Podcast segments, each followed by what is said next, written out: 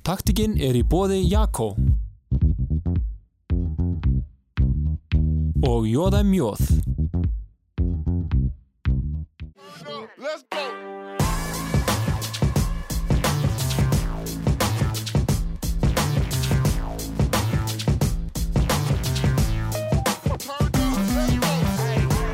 Já, komið sæl og velkomin í taktíkina. Við ætlum að fjalla um knatsbyttu þjálfum í þessum þætti. Uh, oft verða ákveðnir áreikstrar milli foreldra og þjálfara einfallega vegna þess að það kannski skortir einhverja ákveðna insýn og við ætlum að reyna að gefa þessa insýn hér í þessum þætti og til mín í setti er í kofið meðan Alla Fannar, knatsbyttu þjálfara. Velkomin Alli. Vel, Þú ert þjálfari hjá Káa núna. Hvað ertu búin að vera að þjálfa lengi? uh, ég held þetta sé áttunda árið mitt sem ég er að þjálfa. Þannig að, Og þannig að þú ert búin að vera að þjálfa í raun, já, alveg nýrið á yngstu og, og já, alltaf því upp úr. Já, allt frá áttunda flokk sem er náttúrulega bara leikskólaaldur og upp í þriða flokk sem er tíundabekkur. Já. Þannig að það er mikið aldurspil þar á milli. Og við höfum hérna þátt undir að því þetta eru rosalega mörg aldur spil og það er rosalega mismunandi nálgunir á hvert og eitt bil. Já, já, það er bara, hú veist, þó að sé stutt á milli áttunda og sjöunda, þá er samt heiminn og haf þar á milli bara í þróska og annað, sko. Þannig að, hú veist, bara hver flokkur uh, þarf alltaf aðra nálgun heldur en svo næsti, sko. Já. En við tölum um sko foreldra þetta er alltaf mjög mikilvægt að vera í góðum samskiptu við, við þá og, og maður sér oft þessi sömu vandamál rekast á aftur og aftur og eitt algengt vandamál er til dæmis ja, getu skipting í lið. Já, já, það, það er eitthvað held ég uh, sem hverjur aldrei, þú veist, það er ákveðin, hvað maður að segja, þú veist, ákveðinir fóreldrar sem vilja fá ákveðið mikið út á börnunum sínum og, þú veist, svo eru bara sum, uh, sum börn sem veist, vilja sjálf ná langt, þú veist, þannig að þau koma heim og kannski kunni ekki að sjá sig á æfingu, veist, þannig að við fáum það, þar að leiðin skilbár fó fóreldrum, frekar en krökkunum, þannig að hérna, þetta er, þetta er eitthvað sem maður hefur þurft að díla við og mér finnst við svona einhvern veginn pínulega að segja það, mér finnst við þurfum að díla alltaf meira og meira við það einhvern veginn svona undanfæri síðustu ár heldur en þegar maður byrjaði sko.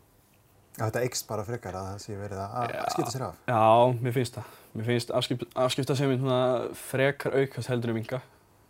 Uh, getur oft verið mjög góð að þú veist, sýnir bara að fóreldurum er ekki sama og þú veist, þeir vilja fá metna frá okkur og hérna, metna frá börnunum og, og allt þe- þess áttar. Þannig að þú veist, það getur verið gott, það er ekki alls slæmt. Og þegar þú ert með stóra flokka þá getur þetta verið mörg lið, jafnvel tíu lið og oft er þetta þessir einstaklingar sem eru akkurat á mörkunum að jafnvel komast upp í næsta lið eða, eða eru settir í liði fyrir neðan þar sem að er einhver svona, já kannski smá vafatrið og lítið sem að, að sker úr um hver fyrir upp og hver fyrir niður. Já, já, það er náttúrulega hérna uh, kostunum við stóra flokka eins og segir er þú veist, þeir eru með 70-80 sem við vorum einu sem með í sjöndaflokk það hérna og eftir ég var breytt í fimmannabólta að þú veist þá er þú veist þá er liðið minni sem þýðir að þú veist getur munurinn á milli liða þú veist verður alltaf minni og jöfn geta innan liða Já. sem er virkilega gott en það getur þá líka verið það að þú veist í staðin fyrir að vera með í sjömanabólta það út með 8-9 leikmenn í liði, þú veist, þá ertu búin að minka það niður í 6, max 7 og veist, þá er alltaf einhverjir 2-3 sem er ekki að komast í til dæmis bara ef við tökum aðliði skilur og veist, að mesta pressan er oft frá uh, fóreldrum hjá krökkum sem eru á bar með þess að komast í aðliði og veist, þar er sjáðu tækjafæri fyrir krakkan að vera ofalega, framalega í íþróttinni.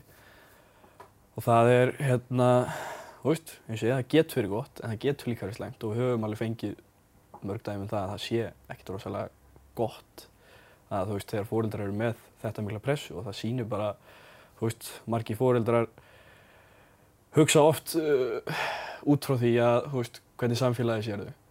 Þú veist, þau eru að íta krökkunum áfram í íþróttum, í skólanum og þess áttar, þú veist, vilja krakkarnir skari fram úr eða standi sér vel og stundum bara virkilega vel af því að, þú veist, þau fá kannski eitthvað meira svona samþyggi frá samfélaginu að, þú veist, sjáu þið, börnunum gengur vel, við erum í góðu vinnum, allt þetta, skilur við. Og þetta er náttúrulega örgulega tengt samfélagsmiðlum líka, veist, að þessi, maður segja, ásýn á þitt líf, veist, að auglýsa allir sitt líf alltaf mikið í dag. þannig að hérna fóreldrar oft, eins og ég setja pressu á krakkandistansi vel í íþróttum og skólanum en maður spyrir sér oft, veist hefur þá spurt barnið þetta bara hvernig líður þú veist, líður þau vel að vera þú veist, oft er þetta ómeðvitað þú veist, að fóreldrar séu að setja þessa pressu en þú veist, líður börnunum alltaf vel með það að þú veist, vera með alla þessa pressu á bækinu, þú veist, þú verður að standa vel í skóla, þú verður að standa vel í íþróttum og allt þetta.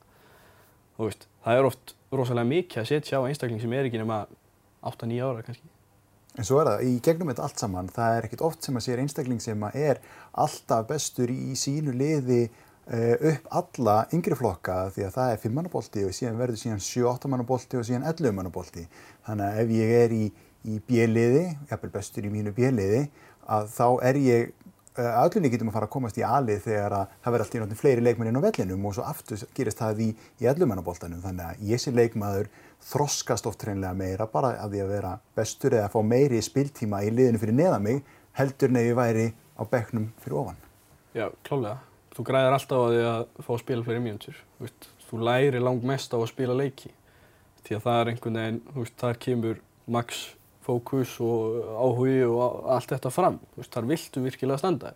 Þú getur mætt á æfingu og verið bara, þú veist, la-la, átt slæman dag, eitthvað þetta, þú veist, fókusin ekki í lægi og allt það, skilur, en einhvern veginn þegar þú labba síðan inn á völlin og þú veist þú ert að fara að spila, það skiptir máli, það er eitthvað undir, þú veist, þá færðu oftar en ekki max framistuðu frá krökkum og bara fullonið fólki líka, þannig að, hérna, veist, það er ekkert að örvænt að þó að barnið sé ekki ali 7-8 ára, sko þú veist, og þó við séum að tala um eins og ég segi bara uh, að þú nefndi það, þú veist, fara úr 5 upp í 8 mannabólta, þú veist, að fara úr 7 upp í 5.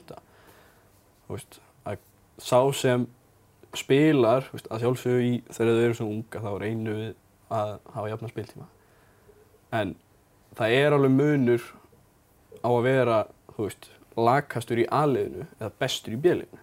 Þú veist, þú ert með stærra hlutverk í B-liðinu, þú skiptir þannig séð meira máli, þú veist, innan hópsins að hérna og þar endur færðu fleiri spilmínútur.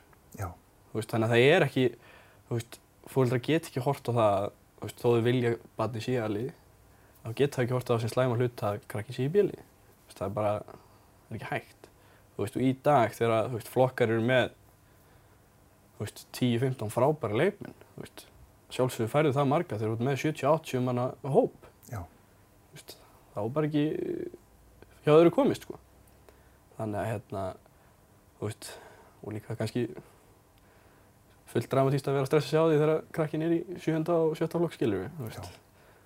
Það er, hvað maður segja, það er svona píníkt, veist, það er óþarfi. Já.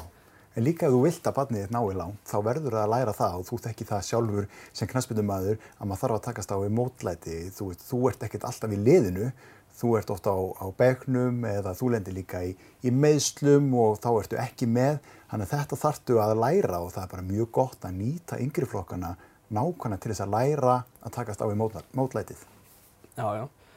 Uh, og það er klálega, uh, klálega kostur frekar fyrir bjölisleikmænin að vera veist, bestur þar og vera virkilega að reyna að hafa fyrir og vinna sér upp í aðliðu.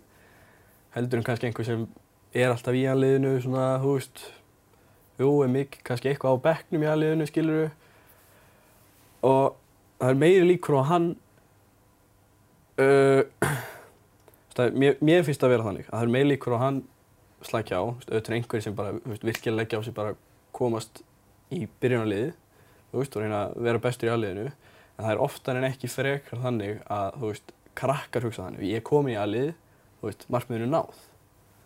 Þú veist, þeir hugsa ekki þannig að markmiðið er bara, þú veist, ég ætla aldrei að vera tekin út þú veist, ég ætla að vera bestur.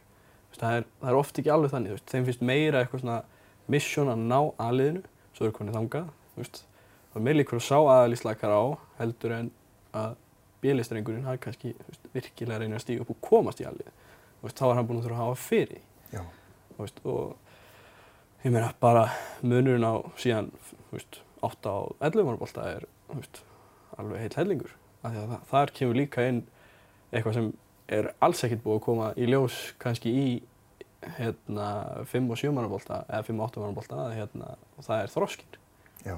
Þú þú veist, menn taka út rosalega misjafnan þróska. Auðvitað er þetta ekkert oft alveg augljóst hvar hver er. Þú getur ekkert númera leikmenn alveg frá einum og í 50-70 uh, en maður kannski þarf að horfa á þetta þannig að þjálfarinn er þó, hann er hlutlös aðili, hann er aðili sem er með uh, á öllum æfingum uh, og hann hefur í þá raun bestu tólinn fremur en einhver foreldri á, sem á eitt eða tvö, eða jafnvel þrjú börn í flóknum til þess að taka þessa ákvörðun þó að hún sé alltaf kannski einhverju leiti huglæg þegar það er lítið sem að munar á milli. Já, já, sjálfsögðu. Og, þú veist, við erum ekki að menta okkur og, þú veist, taka KSI þjálfaragráður og, þú veist, eigða fullt af tími að verða betri þjálfarar að því höfum ekki hundsvitaði hvað við erum að gera. Þú veist, við höfum áhuga á þessu, við viljum verða betri þjálfarar, þú veist, klárlega, það vilja allir. Og svo er eins og hérna, margótt sagt, þú veist, þú fer ekki með bíliðin á bifélaverstaði og segir bifélaverkjunum hvað hann á að gera og hvernig hann á að laga bíliðin og veist, hvaða tól hann á að nota, sko. Akkurat. En að þetta er íþrótt og þetta er meira opið, þá virðast flestir vera sérfræðingar í þessu, sko. Þú veist, þú getur sett til heimaður og hort á fókbólta og annarkvæm maður er, þú veist, næst í klopp, sko. Já. Þú veist, en það bara, því mér það bara er ekki þannig og að sjálfsögðu ert þú með mjög hlutlagt mat þegar þú ert, þegar það kemur á veist, það er bara þannig. Já. Og meðan eins og ég segi, við erum með þess að krakka á hver einu staðingu, við reynum að fylgjast með þeim eins mikið og hætti er. Við erum með þau í litlum hópum aðeingum sem þýðir að við, veist, erum með marga þjálfara aðeingum, reynum það, að, veist, þannig að hver fái meiri tíma frá hverjum þjálfara, veist, þannig að við sjáum krakkana miklu meira heldur en fóreldarnir sjálfur, sko, og svo hefur maður oft fengið eitthvað tuð frá, þú veist, fóreldrum og maður tekur meira þess eftir, að, veist, þessi fóreldrar mæti ekki eins og það horfa á æfingar, sko. Þú veist, jú, þau sjá einhverja leiki og eitthvað svona, þú veist, en við veit ekki hvernig krakkina er að standa sér á æfingum. Nei. En, þeim, en því við sjálfsagt að, hérna, að barnið sé bara í aðeða bjeliði, sko. Þú veist, þó það sé langt frá því, þú veist, þó að hans getustig sé bara, þú veist, djelið. En maður hefur alveg fengið, þú veist, bara, að ég, ég vil að, hérna, dóttir mín sé í bjeliðinu. Akkurat. Þú veist, það bara virkar ekki, þú veist. Þetta, lí, snýst líka rosalega mikið um það að gefa krökkum verkefni við hæfi. Þú veist, hvað líða þeim vel? Veist, líða þeim vel að, þú veist, ef við myndum hlusta á alla, bara henda, þú veist, taka alltaf einn og einn til skiptis, bara henda þeim í aðlið. Þú veist, myndi barninu líða vel á að sjá það bara svart á hvítu þar, þú veist, vera eftir á, þú veist, vera hægari, þú veist, með lakara touch, þú veist, allt þetta, þú veist, og það er í rauninni bara keirt yfir hann. Myndi barninu líða vel með að mæta bara, þú veist, í draumaverkefnið með aðliðinu. Já. Myndi ég líða vel að bara láta valdi yfir sig og bara, heyrðu, shit, þú veist, ég er ekki, þú veist, ég get ekki. Þú veist, er þá ekki meiri líkur á að hann gefist upp heldur en, þú veist, hann hafi þá eitthvað að stefnað. Ég vil meina það. Akkurat. Talandi um fótbolta, það er komið að háluleik og, og vel það hérna í þessum þætti. Þannig við tökum okkur stutt auðlýsingarlið hérna. Taktikinn er í bóði Jakko og Joe's Akureyri. Let's go.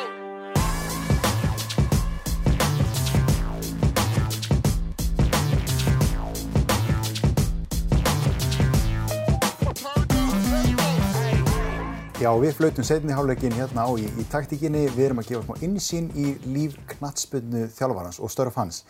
Allir það er ekki bara þessi getuskipting þar sem að eru áreikstrar, það er líka í því sko, hver stjórnar eins og í, í leikum. Þannig við tölum bara um kappleikina líka. Það eru þessi innáköll og oft eru þau hreinlega mun meira trublandi heldur en nokkru leiti hjálpleg. Já, já, við hefum rosalega oft þurft að díla við það og bara, þú veist, jafnvel þurft að lappa yfir og segja fóreldrum að haga sér og, og, og halda munninu úr lokkunum, sko. Ég hef margótt þurft að gera það, því miður, en þú veist, það er bara, uh, það er rosalega vond fyrir okkur og krakkana að við erum kannski búin að segja þeim, þú veist, það er eitthvað smá gameplan skilur við, við viljum fá okkurna reyfingar eða eitthvað frá leikmönnum.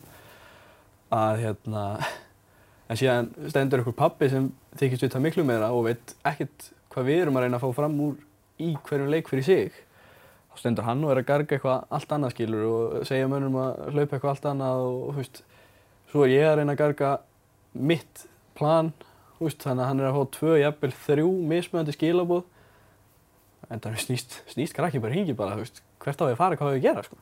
Veist, þannig að það er ekkert, það er ekkert rosa gott, en sem betur fer eru, það er ekki bara þjálflega að káa, sem betur fer eru káa fóröldrar mjög lítið í þessu. Og ég vil meina að við séum mjög, uh, mjög góð í því að bara hvetja liðið og, og krakkana áfram.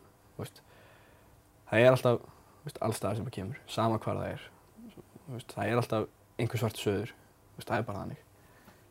Að hérna, sem að þarf að, veist, segja til, en Já. svo þarf þess yfirleitt ekki nema bara einu sinni, og þá er það bara búið, þá veit það. Að þú vilt líka ekki vera fóreldri sem fær þjálfurinn að labba til hérna, hringir í kringum völlin bara til að segja þér að þegja, sko. Það er ekkert rosalega gott fyrir þig. En maður sér alveg þessa leikmenn í, í leikjum sem eru fættir að horfa alltaf upp í stúku og eru þar að leita eftir einhverju samþyggi eða er, er pappi eða mamma reið eða hvernig eru viðbröðin og þetta tekur einbettinguna af leiknum. Já, þetta, þetta finnst okkur, eða, ég ætla ekki að fara aðlaga, ég ætla bara að segja mér, að þetta finnst mér til dæmis mjög vond. Að eins og segir, einbyttingin er einhvers staðar annars staðar. Einbyttingin er þá, þú veist, á mömmu og pappa eða afa eða einhverjum skilur sem skiptir rosalega miklu máli. Veist, og það er alveg gott og gilt að þú sért með einhvern sem þú vilt uh, standa þig fyrir. Að hérna, uh, hvað maður segja, það kannski rugglar pínu markmiði hjá barninu.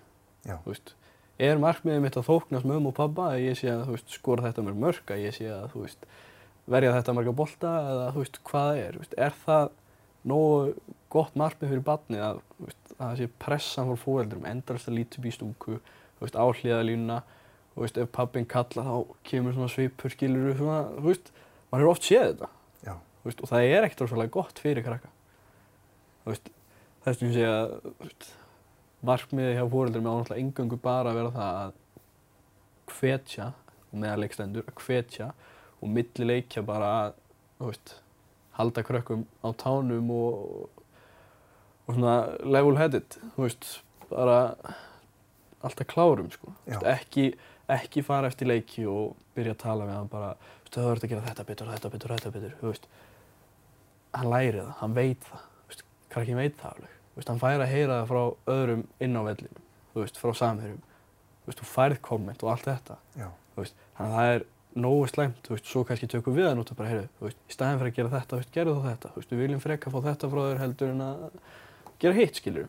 Þetta er starf þjálfarnas þarna að leiðbenna og oft líka maður sjálfur sem leikmaður, maður veit alveg hvaða mistökum maður gerir og maður gerir mistök í öllum leikjum og við vorum að ræða bara hérna í þessum þætti í skákina sko að þú veist, þú getur ekki sigra nema að gera mistök, það fyrir bara eftir hvernig dílaru eða tekuru á við þau mistök sem þú gerir í leiknum. Já, það er náttúrulega klálega það sem við erum að gera er að reyna að minka mistökin hjá leikmennum með því að reyna að stýra þeim snúðu þá hins eginn, taktu svona móti veist, reyna að minka þessi litlu mistökin, telja í lokin að þú veist, eða þú snýr svona, til dæmis ert að fá boltan uh, út á kanti, þú veist, snýrðu bakinn í völlin, snýrðu bakinn í hliðalínuna, þú veist, hvernig snýrðu? Þú veist, ef þú snýr bakinn í völlin, tekur þú móti boltanum, þú veist, það er, veistu, oft ekkert og sérstaklega í yngri flokkum, þegar, þú veist, krakkar eru ekki ennþá búin að læra það að tala við hvort annað, skilju, senda skilabóð, veist, maður í bak, veist, spila á hann tilbaka, allt þetta, veist, þannig að við erum líka reyna að hjálpa þeim bara að, uh, hvað maður að segja, reyna að gera þetta pínu á eigin veist, hvernig snýrðu, á, getur þú snúið bakinn í hliðalínuna, þá þarftu minni hjálp á að vita hvað þú þarfst að gera næst, þá sérðu miklu fyrir eitthvað hvað er að koma, heldur en þú snýr baki, þú veist, og allt svona, þú veist, fullt af svona litlum hlutum sem, við reynum að hjálpa þeim með til að minka svona minor mistakes, veist, sem telja á endarum. Og veit þetta líka sem leikmaður geta tekið þínar eigin ákvarðanir. Þetta er ekki eins og tölva sem þú getur verið að, að stjórna leikmönnum allan leikinn. Eh, Leikmaður þarf að kunna taka ábyrð og, og vita hvernig hann á að bregðast við í, í aðstæðum og við vitum það þegar við erum að kalla inn á völlin, það tekur ákveðin tíma að kalla inn ákveðin skilabóð, að hlusta eftir þeim, meðtaka þau og svo framkvæma. Þannig að þegar maður er að tjá sig um einhver augnablík í, í hitta leiks, leikmaður getur enga veginn hlustað og tekið við e, svoleiðis skilabóðum nóg hratt. Nei, nei, hann tekur ekki vinna og bara brota brotaði, þú veist. Það sem hann hlustar mest á er, þú veist, þegar þú kallar hann tíðin bara á hliðalínuna, þú veist, þú veist, næst þegar þú gerir þetta, þú veist, gerir þetta þá svona. Já. þú veist, bara prófaði að gera þetta á þennan hátt, þú veist, eitthvað en ekki um leið og ert að, þú veist, kallin á öllin þú veist, hann er búinn að ákveða hann er að fara að gera eitthvað annað síðan kallað þú og segir hann um að gera eitthvað allt annað þú veist, þá er meir líkur að koma bara panika og koma ekkert út því. Þú veist, þetta, þetta snýst líka um það að leifa um að gera mistök, þú veist, þú læri langt mest að gera mistök, þú veist. Þess vegna erum við að reyna að leiðbina þeim en ekki að garga, þú veist fara til hægri, snúðu, þú veist, allt þetta, þú veist. Já. hann verður að læra þetta sjálfur, hann verður að læra þú veist, þá tökum við hann fyrir eitthvað til liða, bara heyru, snúðu á hlið og sérðu bæði það að boltin er að koma og þánga sem þú vilt fara. Þú veist, ekki bara garga snúðu eða, þú veist eitthvað svona, þú veist, reyndu frekar að kenna honum hvernig hann getur gert það sjálfur þú veist, eins og, eins og þú sagðir, tekja ábyrðina og stjórna sínum eiginleik Já, því með of miklum skilabúðum þá fyrir líka treysta á það að þjálfarinn segir mér bara alltaf hvað ég á að vera að gera og ég þarf ekkert að vera að taka hennar ákvarðanir. Nei, nei, ég meina, þú veist, það er bara, ef það er endalist mataði að einhverju, þá er það, verður það bara vani, við venjum okkur á, getum vanið okkur á allt í rauninni og þetta er bara hlutæði, þú veist, ef þú fær endalaus skilabóðum hvernig þú átt að haga þér, hvernig þú átt að spila, þú veist, þá ferðu á endanum að gera það, þú veist, þú ferðu að taka því bara og svo allt í hennu ferðu nýjan þjálfara sem hættir að garga þig, hann tekur þig bara til hliðarinn á milli og tala við þig, þú veist, hvað gerist þá? Þá, þá held ég að fara að gera miklu fleiri mistök inn á því að þú ert ekki að fá skilabóðin þegar þú þarft þau. Já.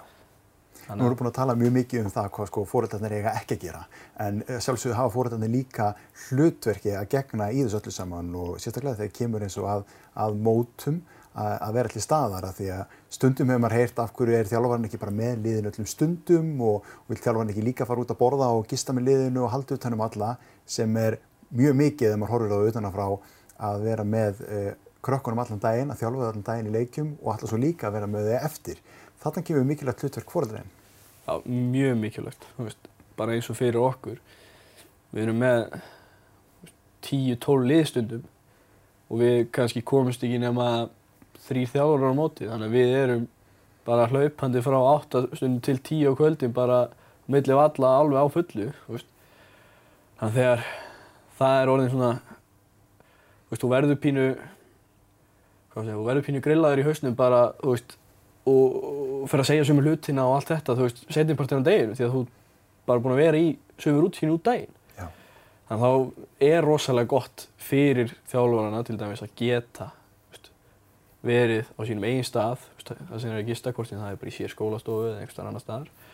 Líka bara þar sem þeir geta þá, veist, bara aðeins anda, ná sér niður og bara talað hreint út við hvern annan, þú veist, um hvernig dagurinn gekk, þú veist, hver er að standa sér vel, hverju þurfa aðeins að rífa sér í gang og allt þetta skilur, og hvernig, veist, hvernig funkar að hvaða lið best, að að, veist, í sjöndaflokk ertu ekkert endilega með tvo varnamenn og tvo sóknarmenn, þú ert kannski bara með, veist, fjóra gauðra inn á sem bara vilja spila einhver staðar, sko, veist, þannig að þá ertu líka pínu, getur gefið okkur líka meiri insýn og að geta spjalla saman eftir á bara hvernig liðið funkar best, þú veist, hver er bestur að koma honum í spil upp úr vörninni, veist, og allt þetta.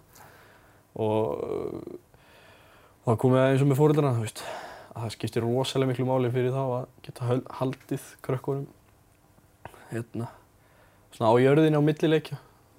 Og, veist, en samt á tánum, þannig að sé ekki að slaka á að fara í ómikil hýblalæti eða allt þetta, auðvitað eru að fá að vera börn og allt það, en þú veist, þetta eru bara tveið, þrjí dagar sem mótin eru og þá kannski aðeins þarf maður aðeins að hafa vit fyrir já, þú veist, kenna þeim að slaka á líka. já. Þetta er þessi verkaskipting líka svo mikilvæg eins og segir, þetta gefur þjálfurinu tíma til þess að endur skipulegja sig og koma ferskar inn í næsta dag og þarna getur þó fóreldrar verið að nýta tíman til þess að einvita sér að góðri næringu, að góðum svefni, að gó- góðri kvíld og endurheimt sem að skiptir greiðlega miklu máli að ég sem fóreldri á að vera að horfa á þessa þætti miklu frekar en hvernig á ég að, að stýra leiknum beint og, og kannski bara skýra þessar línur milli hlutverks fóreldris og annars vegar þjálfara. Já, já, setja líka bara svona góða fyrirmynd fyrir krakkana, hvernig á ég að vera, þú veist, ég er á móti og hérna, allir krakkarnir með það markmið að vinna mótið, það er bara þannig, þannig að það er líka setja fyrir, það, fyrir þau svona góða veist, eins og þú segir, næringu, svefn og allt það, að kenna þeim, þarna er rosalega mikilvægt fyrir fóröldar að kenna þeim, veist, hvað þau eiga að vera að borða, veist, hvað er næringaríkt, veist, hvað, hversu mikið svepp þurfa þau, hversu mikið, hérna, hversu mikið ætlar að leifa þeim að hlaupa á göngunum í skólanum alveg á fullu skilur þú eru þau þá ekki bara sprungin daginn eftir, búin að vera að spila fótbolta í fimm tíma eða eitthvað og koma síðan og halda áfram að hlaupa, þetta er líka, þetta er, maður hefur alveg séð fullt af fóröldrum sem bara, þetta er ákveðin list sko að kunna þetta, Já. veist, maður séð fullt af fóröldrum sem geta haft svakalega ofaraf fyrir krökkurum, þú veist, bara með því að, þú veist, spjalla við þau, þú veist, þau fara að spila við þau, þú veist, allt þetta, fara bara með þau, þú veist, bara það, bara fara út að labba, skilur, bara labba í kringum bæinn sem við erum í eða, þú veist, eitthvað, bara, þú veist, aðeins að ná þeim niður, þú veist, það er sumir sem eru bara algjörir fagmenn í þessu, sko.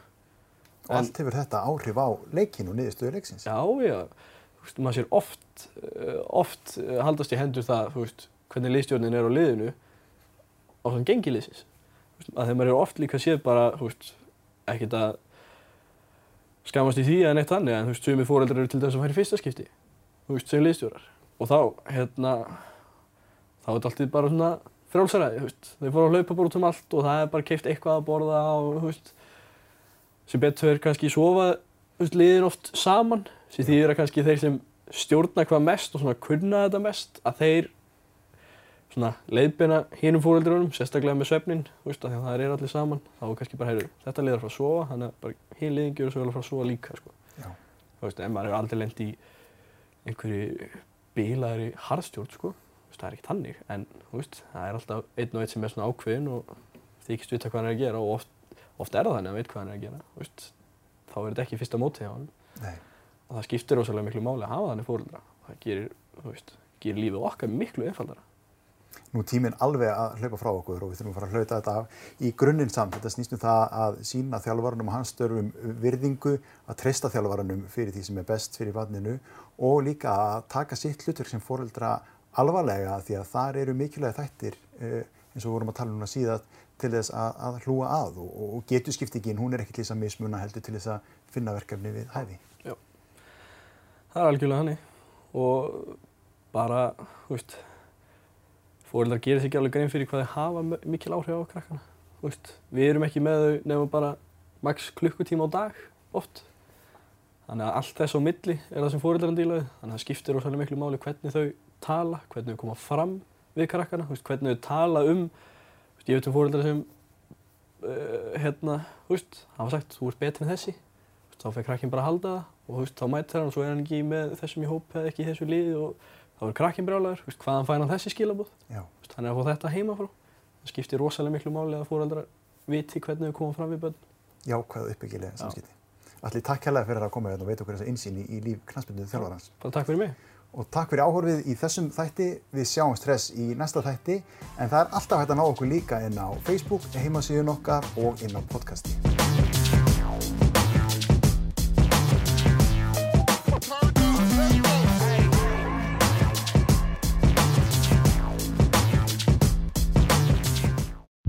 Taktikinn er í bóði Jakko og Joe's Akureyri.